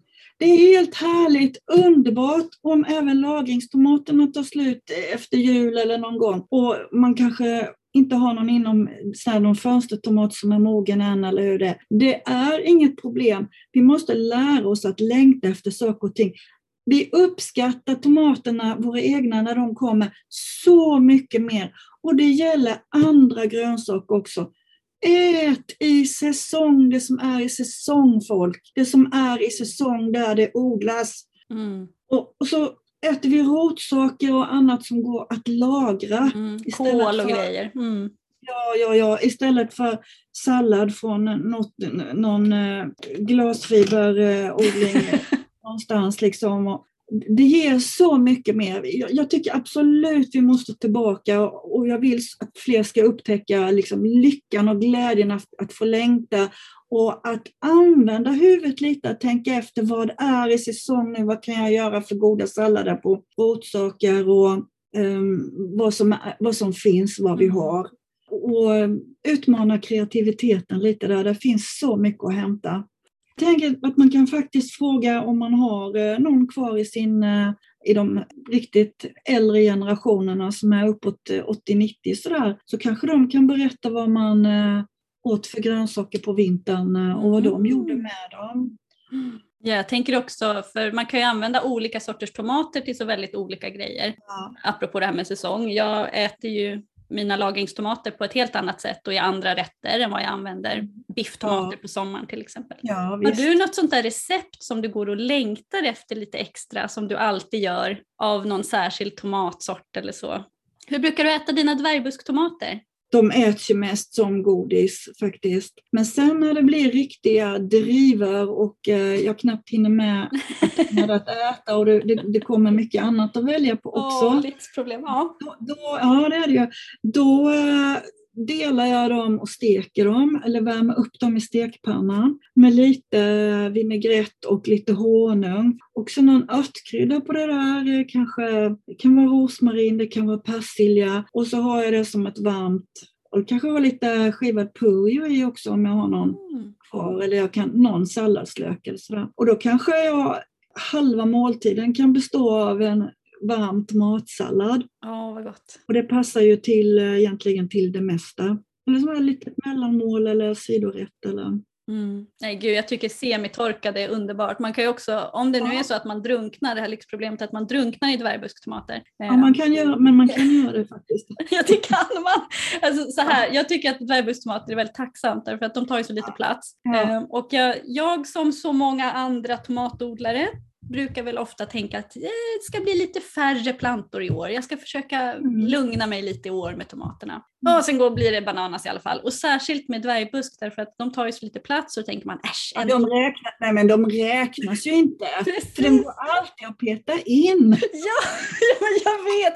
Och sen står man ju där då, så blir det massor. odlar 70 tomater eller sådär 50-70 tomater. Så då är inte de små medräknade för de går alltid pilla in överallt liksom. Precis. Så de kan man sätta i gångarna i, i, i, landet eller lite vad som helst, på en piedestal i ett fönster. Så att de, de är utöver. Ja men visst, och då precis som du säger, de kan ju bara spruta ur sig tomater och om man då inte hinner liksom äta allt det där, man kan ju bara styckfrysa dem också och sen kan man ha dem i någon gryta eller något på vintern. Ja. Man behöver inte alltid hålla på, folk håller på att koka sås och grejer och jag brukar ja. säga så här, jag har så mycket annat att göra i skördetid, jag hinner inte stå och koka sås och greja. Så att då styckfryser jag istället faktiskt. Det. Ja, det upptäckte jag ju, det, det, är ju en märklig sak egentligen för tomaterna då, de gillar ju inte kyla. De gillar inte att stå kvar på kalla nätter på hösten och stå kvar för länge för de tappar i smak. Mm. Och de Skalet som, blir tjockt. Ja, ska, ja det blir, de, de spricker, det, händer, det blir många problem. Och de gillar ju inte att vara i kylen, precis som du sa, att man förvarar ju inte dem där, utan man förvarar dem i en fruktskål på bordet. Men när man fryser tomater, när de snabbt åker ner i frysen, pang bom, så behåller de sin sötma. Det är ju alldeles fantastiskt. Mm. Men, Nej, men, men det, man liksom långplågar dem sådär med lite halvkyla under längre period eller bara tre nätter eller i, i kylskåp. Nej, mm. men pang bom rakt ner i frysen går jättebra. Ja. Och de äh, lämpar sig bra till matlagning sen. Då är det ju inget man äter som godis för att de blir blaskiga men jättebra i matlagningen. Mm. Nej gud, de lämpar sig också för eh, hemmaträning. Jag brukar säga så här att de tomater jag springer runt mest med är dvärgbusksorterna faktiskt. Först så ska de ju ut och in på våren då. Ja. Eh, inte, inte kallt på natten, ut och in så. Eh, och sen på hösten så de plantorna som fortfarande är riktigt fina, de brukar jag då springa ut och in med. Ja. liksom, så att, ja. Där kan man ju, ja, där kan man ju lägga till då med de här små kruktomaterna att om man vill eh, odla dem på vintern, då kanske jag sår dem på hösten en gång ska säga, september, oktober sådär. Eller, och så har, då, då, är de inne hela tiden och de kan ju flytta ut till våren om de fortfarande är fina. Ja. Men göra tvärtom, att ta en busktomat på hösten och flytta in den och hålla den vid liv hela vintern, det är väldigt mycket svårare för den har svårt att anpassa sig till det torrare klimatet, även om man duschar den varje mm. dag. Men kanske till jul eller sådär. Mm, ja, det är där mina brukar hålla inomhus. Ja. Men i, i, ett svalt växtrum går det lite bättre kan jag säga. Ja, men jag tänker du där, du måste ju berätta med din Vilma där som du höll liv i i fyra år. Vad matade du den där med egentligen? Nej, den fick ju vanlig krukväxtnäring och eh, spridning och så pensla runt den och sådär. Mm. Men eh, ja, och sen så tog jag ju och satte grenar av den och förökade den på det viset. Och det kan man ju säga om man nu råkar på en eh, F1-hybrid som man verkligen gillar och faktiskt vet med sig att det här borde jag inte ta frö av. Nej, men då går det jättebra att bara bryta av en gren och eh, ta bort bladen så man får en, eh, en, eh, en skälk att sticka ner i jorden. Det spelar faktiskt ingen roll, till och med om den har blommor, kanske den till och med har någon liten tomat på sig, så gör det ingenting för den kommer att slå rot ändå mm. i krukan så länge man håller det fuktigt. Och det tar två veckor så har den jättefina rötter och börjar växa på nytt. Eh, och då har man ju en planta med samma gene genetiska... Ja, precis. Så sticklingar, det kan man ju ta och det kan man också ja. om man vill, om man verkligen inte vill köpa frö. Man kan ju försöka och vinterförvara den då och se om ja. den klarar det. Har man svalare ja. med tilläggsbelysning, det kan gå. Man kan prova. Ja, det kan gå. Mm. Särskilt på de här små tänker jag då, där kan det ju vara en vits att hålla igång. Spara tid på frösådden. Ja men verkligen. Ja. Alltså, finns det någon spännande sån här dvärgbusktomat som du drömmer om att få tag på men som du inte har hittat än?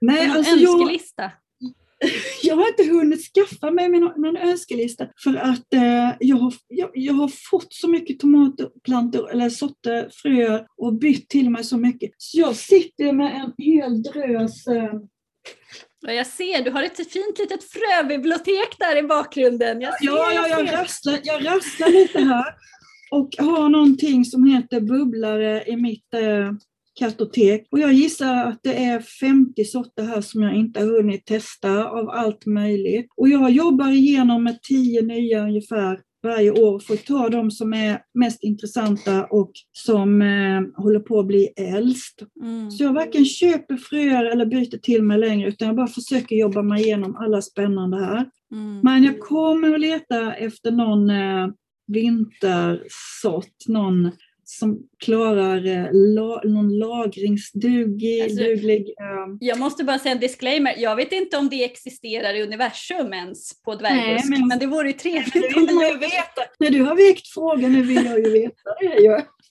Och jag letar också för all del fortfarande, apropå tomater man drömmer om, eh, om det finns en dvärgbusksort som är tetracyslykopen vore ju fantastiskt. Okej, Om det ja. fanns i universum. Ja, men det kanske kommer annars, vem vet. Ja, de har ju inte provat alla. Alltså, de har ju Nej. bara testat ett litet fåtal i laboratorier efter det här Ja. så att man vet. Ja, det är också intressant, jätteintressant. Men om jag ska nämna, droppa någonting så måste jag ju nämna Bundaberg Rumble. Mm. Alltså, det är ju- med all, vad heter det, uttal och sådär får man ju ta med en nypa salt med alla utländska namn här. Så att, men nu försökte jag säga det på engelska då, annars säger jag bara kanske Bundaberg, men för svenska. Men i alla fall, detta är något så märkligt då som en högväxande dvärg. Vi var ju inne på det i början. Mm. Och det är ju jättekul för att då kallar man det träd när man har fått en högväxande dvärg. Så man tänker sig en julgran då med riktigt stadig huvudsköld och sen sidogrenar som, eh, ja den kan faktiskt ha en granform eller den typen av träd. Och odlar man denna inomhus som en, krukväxt så, så får den den här eh, många sidoskott som granformen. Och då kan man ta bort ett och annat skott om man tycker, sidoskott om man tycker det blir för tätt. Men den fortsätter alltså växa och på eh, en säsong då så hinner den ju upp eh, i fönstret och vrida och gå över fönstret också. Ja, Och då snyggt. är det, ja, ja, ja. Och då är det bara 20-30 centimeter mellan klasarna och stora röda jättegoda tomater och den Ah. ger jättebra. Wow. Odlar man den i växthus, då fortsätter, då beter den sig likadant, men då bär den ju fler, då orkar den ju med fler sidogrenar Mm. eftersom man kan ha den i, större, i mer jord, i en större en hink eller på friland i växthus så att säga. Mm. Så då blir plantan större och ger ju ändå mer. Mm. Odlar jag den utomhus i en hink till exempel, då blir det en buske av den. För då kommer Perfekt. ett par, tre sidogrenar att utveckla sig och en lite högre i mitten. Och den ger fortfarande jättebra. Så det är en bra sort även för friland i någorlunda skyddat läge. Mm. Och den odlas som frilandstomat på andra håll i världen. Alltså det är det mest märkliga och roligaste jag har sprungit på på jättelänge i tomatväg. Ja, vad kul. Den finns ju med varje år nu hädanefter. Ja. Men då kan man veta det att när en högväxande som är en dvärg benämns som träd. Ja. Och den växer på höjden hela tiden. Mm. Och är den ute blir det en buske. Ja, det är jättekonstigt. indeterminate tree type. Alltså, alla de här Ja. olika begreppen, det är ju så knöligt det här på olika språk. Man blir ju verkligen, alltså. Mm. det är nästan så det skulle behövas någon slags tomatordlista, tomatparlör, tomat... För det är också det här, olika fröfirmor som går in på det här med när de ska definiera och kategorisera tomater, då är det en del pratar ju liksom om, om plantans höjd eller storlek och utgår från det och andra utgår från tomatens form och storlek. Ja. Och det kan ju sitta väldigt stora tomater på väldigt små plantor och tvärtom så att, alltså, det där är ju en djungel. Ja. En sån sort är ju Kangaroo Pa Brown. Ja, det är också en sån där DTP. Ja, och som, som är en ganska liten eh, planta men ändå som bör vara i en 20 liters hink utomhus. Kanske Mm. blir 50, 60, 70 centimeter hög. Inget för fönsterbrädan men bra på andra Nej, det ställen. är det ju inte, Mm. men det är ändå räknat som en, en dvärg i, eh, ut med I utländska deras, ja. ja, mått. Då, där det blir bifftomater som är eh, kopiösa mängder med bifftomater helt enkelt. Mm. Och den här finns ju som gul och grön också, det kan vara Ah, lite kul. kul. Men om vi är på den storleken så kan jag nämna en annan busksort som jag verkligen tycker man ska prova utomhus som är, har de här karaktäristiska kännetecknet med att vara stadig och kompakt planta. Mm. Och det är en bifftomat. Det är inte helt vanligt nämligen med bifftomater på buske. Det hör till de, det ovanligare. Och denna heter White Bush och blir 50-60 centimeter Mhm. och behövs inte alltid stöttas. Och white det betyder ju då att det är en ljusgul biff, tomat i detta fallet. Som har en så fantastiskt pikant, god smak. Alltså om man tänker vad man längtar efter så kanske det inte är alla de här supersöta jag längtar efter eller eh, någonting utan det är att ta en sån här extremt god tomat, sätta mig på kvällen när man har jobbat en hel dag i trädgården och bara njuta av någon fin vy eller solnedgången med den här tomaten, solvarm i handen, blunda och bara göra ett mindfulness-ögonblick och ta in alla intryck. Mm. Hur den känns i handen, hur, det, liksom, hur den ser ut, hur den smakar, hur mm. smakerna mm. fyller munnen. Mm. Och hur de flyttar sig i munnen. Inom pomologi så ja. brukar man prata om var, någon, var i munnen bor smaken. Ja, saftigheten, texturen, köttigheten, mm. hur skalet är, hur det bara låter när man tar första tuggan. Mm. Allt detta liksom att göra det till ett riktigt stort ögonblick. Det vad jag längtar efter med, när jag längtar efter tomater. Och då pratar du egentligen om alltså gourmetsorter. Alltså det finns ja. så fantastiska gourmetsorter. Det är inte alltid gourmetsorterna är supersöta. Alltså supersöta tomater är ju jättegott, men precis som ja. du säger, en pikant smak. Ja. En egen smak. Där det är väldigt välbalanserat ja. mellan surhet, sötma och umami. Ja, umami. Mm. Alltså det finns, om man pratar lite modernare tomatsorter så finns det liksom en fyllighet i smaken som jag kallar umami då. Det kanske inte är det det handlar om egentligen, men det är ändå fylligheten jag vill komma åt. Mm. Till skillnad från äldre kulturarvssorter, vill säga, ibland så benämns eh, tomatsort som en gammeldags smak kanske eller liknande. Då är det oftast en renare en renare tomatsmak. Den är ra, rak. Det händer inte så mycket och det är inte så mycket fyllighet men det är fortfarande en väldigt god tomat. Mm. Det är på ett annat sätt. Den är mm. liksom lite tunnare i smaken eller vad jag ska säga. Eller kortare kanske, man kan kortare smak. Ja, mm.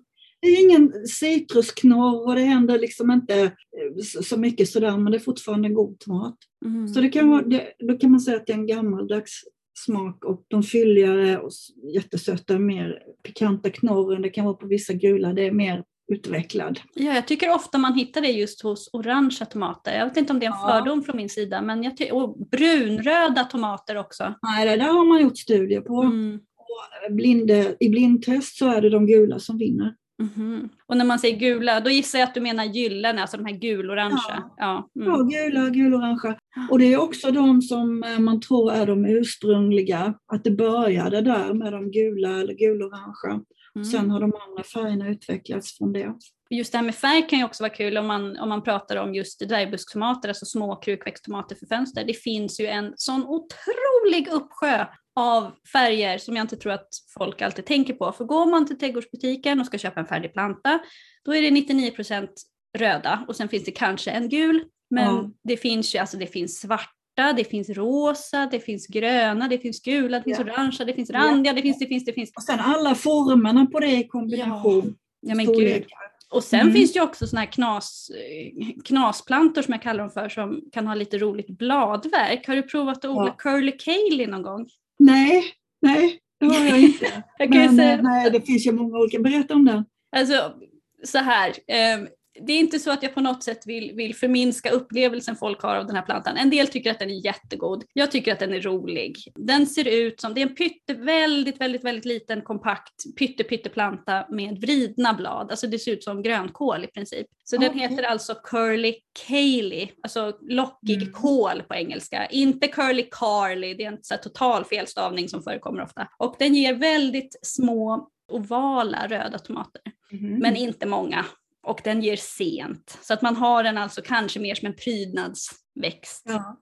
Men någon gång ibland är det ändå kul att prova någonting annorlunda. Kanske just bara för bladverket. Varför kan man inte odla tomater för bladverket? Ja. Det är jättefint att sätta tillsammans med något kraftigt blommande. En hink eller korg med, full med sinjer och en curly bladtomat. Ja men gud, alltså de är ju jätte... Och det finns det ju an, det finns ju tomater med luddigt silvergrått, alltså ludet bladverk. Det finns ju mycket som helst. Om man... Nej men då tänker du på, kanske på Wuzzy.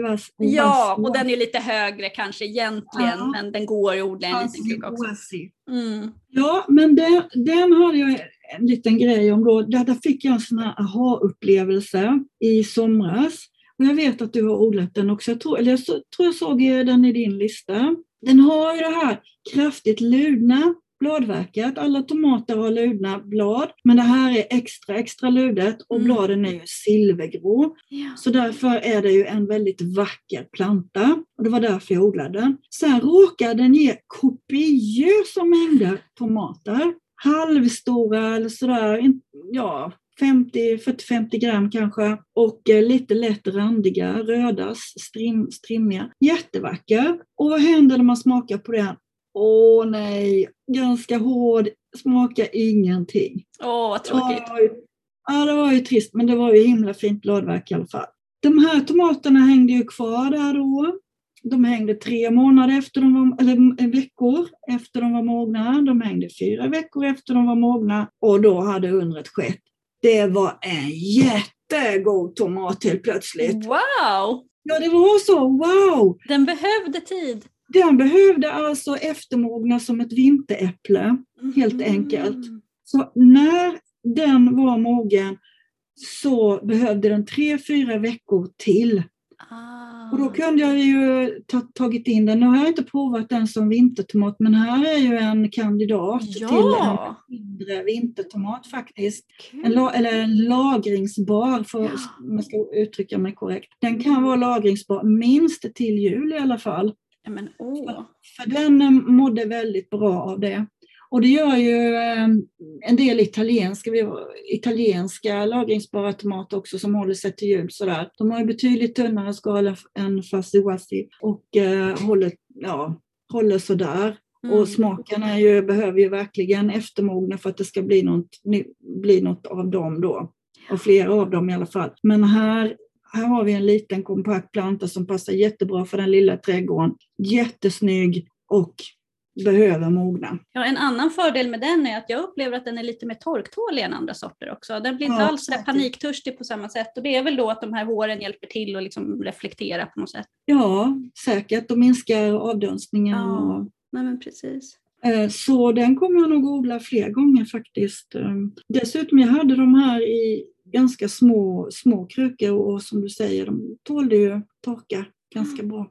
Hur många tycker du får plats i en pallkrage ungefär? En sån vanlig stor pallkrage? Alltså dvärgbusksorter, om vi tänker så klassiska typ villmor. Hur många tycker du du får plats med där för att det ska bli bra? Ja, max sex alltså. Allra mest max sex. Mm det kan vara för mycket till och med det. Jag brukar tänka sådär att jag har någon som kan hänga över kanten, någon naturligt hängande som bara någon Arkishevskaja Vishnaja till exempel som är en rosa ampeltomat. Ursäkta alla ryssar och öststater för uttalet. Jag har tränat men det går inte att uttala det rätt. Eh, men i alla fall, rosa jättegod och den får hänga över kanten. Så kanske jag kan ha någon eh, två större 50-60 centimeters i bakkant och så kanske jag kan ha någon liten mikrodwarf i framkant. Men alltså det kan gå åt pipsvängen. Det kan vara så att de andra brer ut sig för mycket och dwarfarna far illa. Mm. Så jag, jag skulle säga hellre det bästa kombon egentligen, man sätter tre, fyra tomater glest i en pallkrage och så odlar man någonting annat där medan mm. man väntar på att de ska växa till sig. Ja. Det är det allra bästa. Och det kan ju vara någon snabbväxande kolsort eller basilika som... Ja, lila basilika, jättefint att ha till. Ja. Verkligen. Den här Magic ja. Mountain eller något. Den ja, växer ju eller klotbasilika som inte blir så hög som småblad är jättegod. Och så slutskördar man där när tomaterna börjar bre ut sig. Mm. Ehm, det finns säkert massa annat man kan eh, odla som undervegetation också. Mm. Det är egentligen mycket bättre än att trycka ihop för många tomater för de blir, plantorna blir oftast större än vad man tänker sig. Och eh, man får nog ha rätt mycket erfarenhet för att det ska bli precis rätt. Liksom. Nej, alltså just det här med att ha för många tomatplantor för tätt i en pallkrage, det känns som ett så klassiskt rookie mistake. Och, och man blir ja. ofta lite girig, man tänker så ah, men en planta till så får jag mer skörd, men det är inte så det funkar. Nej, det funkar inte så, för de behöver ju ljus och luft för att inte få sjukdomar och solen för att få smaken. Och, mm de behöver kunna bre ut sig och näringen ska räcka. Och, mm. Mm. Nej, men man får faktiskt bättre skörd på färre plantor i en pallkrage. Ja. Tro ja. eller ej ni som lyssnar, men det är så. Jag rekommenderar er att experimentera ja. om ni inte tror på mig. Och jag menar, har man för många plantor då är det jättelätt att bara gå och köpa en 20 liters hink, Murahink, de svarta finns i hobbykedjornas sortiment och så borra hål under eller fem centimeter från kanten och så har man en jättebra kruka. Mm. Klarar de flesta plantor faktiskt. Ja men gud, nej, det är lätt, lätt placerade. Och tycker någon det är fult med en murahink? Ja, det kan det ju vara. Men äh, jag tycker att när man vet funktionen Um, och att det funkar bra så kan man vänja sig vid vissa sådana här saker um, som en svart hink faktiskt. Och så kan man sätta något lägre framför. Ja som... precis, varför inte sätta något som väller över kanten då om man inte vill, något som blommar. Så herregud, ja. det finns ju mycket som helst. Ja, och har man för mycket plantor, kontakta din lokala trädgårdsförening om du är medlem där och byt med andra. Alltså gud, du kan säkert ja. få lite kolplantor mot lite tomatplantor eller någonting annat om du inte vill slänga dem på komposten. Nej, det är aldrig svårt att dela med sig eller bli av med. Så det, det verkar som det alltid är underskott på tomater. ja, Folk i allmänhet sådär. Ja. Mm. Men jag har väl nämnt de sorter jag tänkte som jag tycker är roligast ändå. Ja, sen är det ju bara att eh, härja hej vilt och så hej vilt och prova sig fram skulle jag säga. Mm. Det är ju, eh, ja, man hittar platsen när det gäller så här små plantor. Som... Och man kan ju också säga att det finns en oändlig en oändlig sortskatt av tomater att prova sig ja. igenom. Så att eh, ja. prova, var inte rädda för att prova nya sorter. Man kan behålla någon favorit men alltså, ja. det finns så mycket att upptäcka. Ja, och det tycker jag det är bra att du nämner det. För det kan ju vara så här att man har talat om någon eh, sort då som man gärna vill testa och så visar det sig att den är omöjlig att hitta. Och då, då tycker jag då ska man inte gräva ner sig för det utan då jobbar man vidare helt enkelt och bara ja, tar något annat. Odla något annat under tiden och apropå ja. det här med frö och alla dina fröer. Tomatfrö har ju väldigt lång livslängd, man behöver inte få ja. panik heller. En del sår ju alla frön i en påse på en gång för de tror inte att det ska gro. Ja, Tomatfrö har en livslängd på cirka 10 år eller mer så att man behöver inte ha så bråttom och liksom känna att det är nu eller aldrig med allting. Nej. Däremot kan man lägga till då att när man byter frö eller på något sätt så ska man ändå skriva skördeår på förpackningen. Mm. Även om det nu är tre år sedan jag skördade det fröet. För att man vill ändå veta, ja. om, nu, om mottagaren inte så fröna på en gång så vill man ändå veta vilken ålder de har. Och då behöver man inte skämmas för det när det gäller tomatfrö. Andra, så, andra, andra växtslag kan vara känsligare men just tomatfrö håller väldigt länge. Mm. Eh, de tomatsorter jag har nämnt idag, eh, de har jag ju extra frö av om någon skulle vara jättesugen och då går man in på min hemsida som heter ätligaträdgården.se. Ja, jag kommer länka från bloggen också om man inte kommer ihåg. Ja, och eh, ja, så finns det ju, kan man ju leta precis vad som helst, men det är bara om någon eh, slår huvudet i väggen så kanske jag kan vara behjälplig där. Mm. Det finns listor och sådär och det består lite om saker och ting. Vad tycker du om Prolik och busk apropå det här med roliga och lite nyttiga och lite udda tomater? Har du provat den någon gång? Nej, det har jag inte heller provat. För det är en sån här tomat som innehåller extra höga halter av lykopen. Ja, just det. Det är ju alltid intressant. Ja. Alltså jag tycker just sådana här udda, alltså jag rekommenderar varmt din fina blogg där för du har skrivit väldigt mycket och bra om tomater, både dvärgbusk och om man är mer intresserad av lagringstomater så har du ju skrivit om det också faktiskt. Nyttigheten har vi inte pratat någonting om men det utgår jag från att folk vet att det här är väldigt nyttiga tomater. Att tomater är väldigt nyttigt och som lykopen som du nämner då har man ju forskat mest på och eh, är ju intressant eh, Ja, det är ju intressant ur eh, hälsosynpunkt så att säga.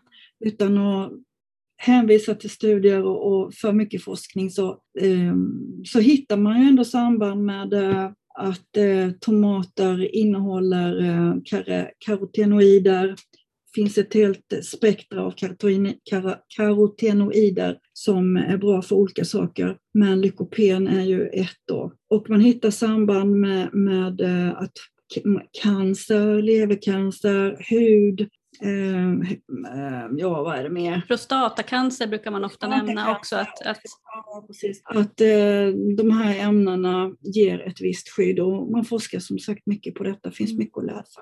Gud, vill man läsa mer om just det då finns ju den här boken The Red Bodyguard av, av Ron Levitt. Ja, ja. Han har ju skrivit mycket om det. Det finns ju mycket som helst, utan vi har ju egentligen bara pratat om utseende och praktiska ting. Och, eh, det är inte så bara.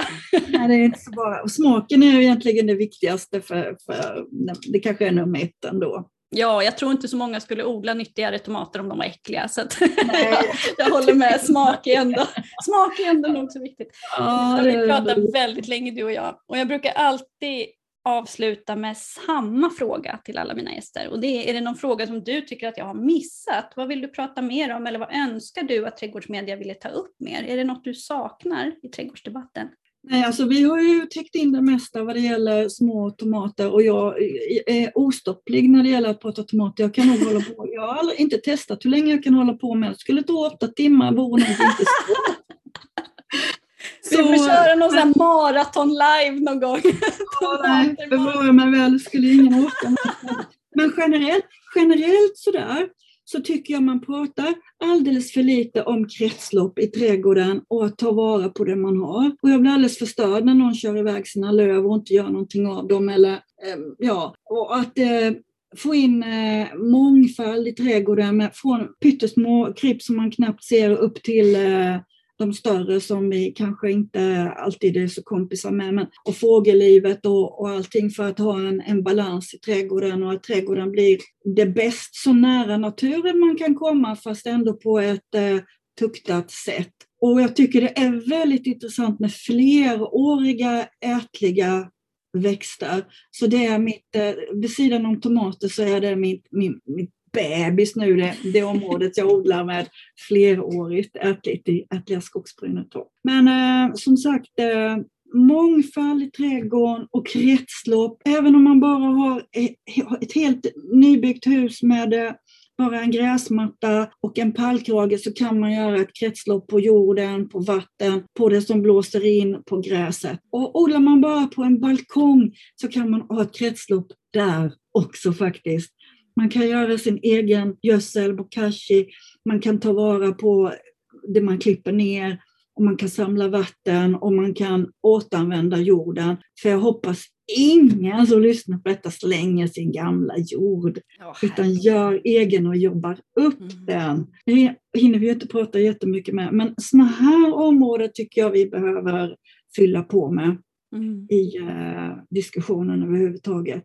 För att så, för att odla, det är inte bara att trycka ner ett frö i en parkrage och sen så, nu är jag, har jag odlat, utan det är att göra bra jord, ta vara på det som finns runt och skapa ett bra klimat.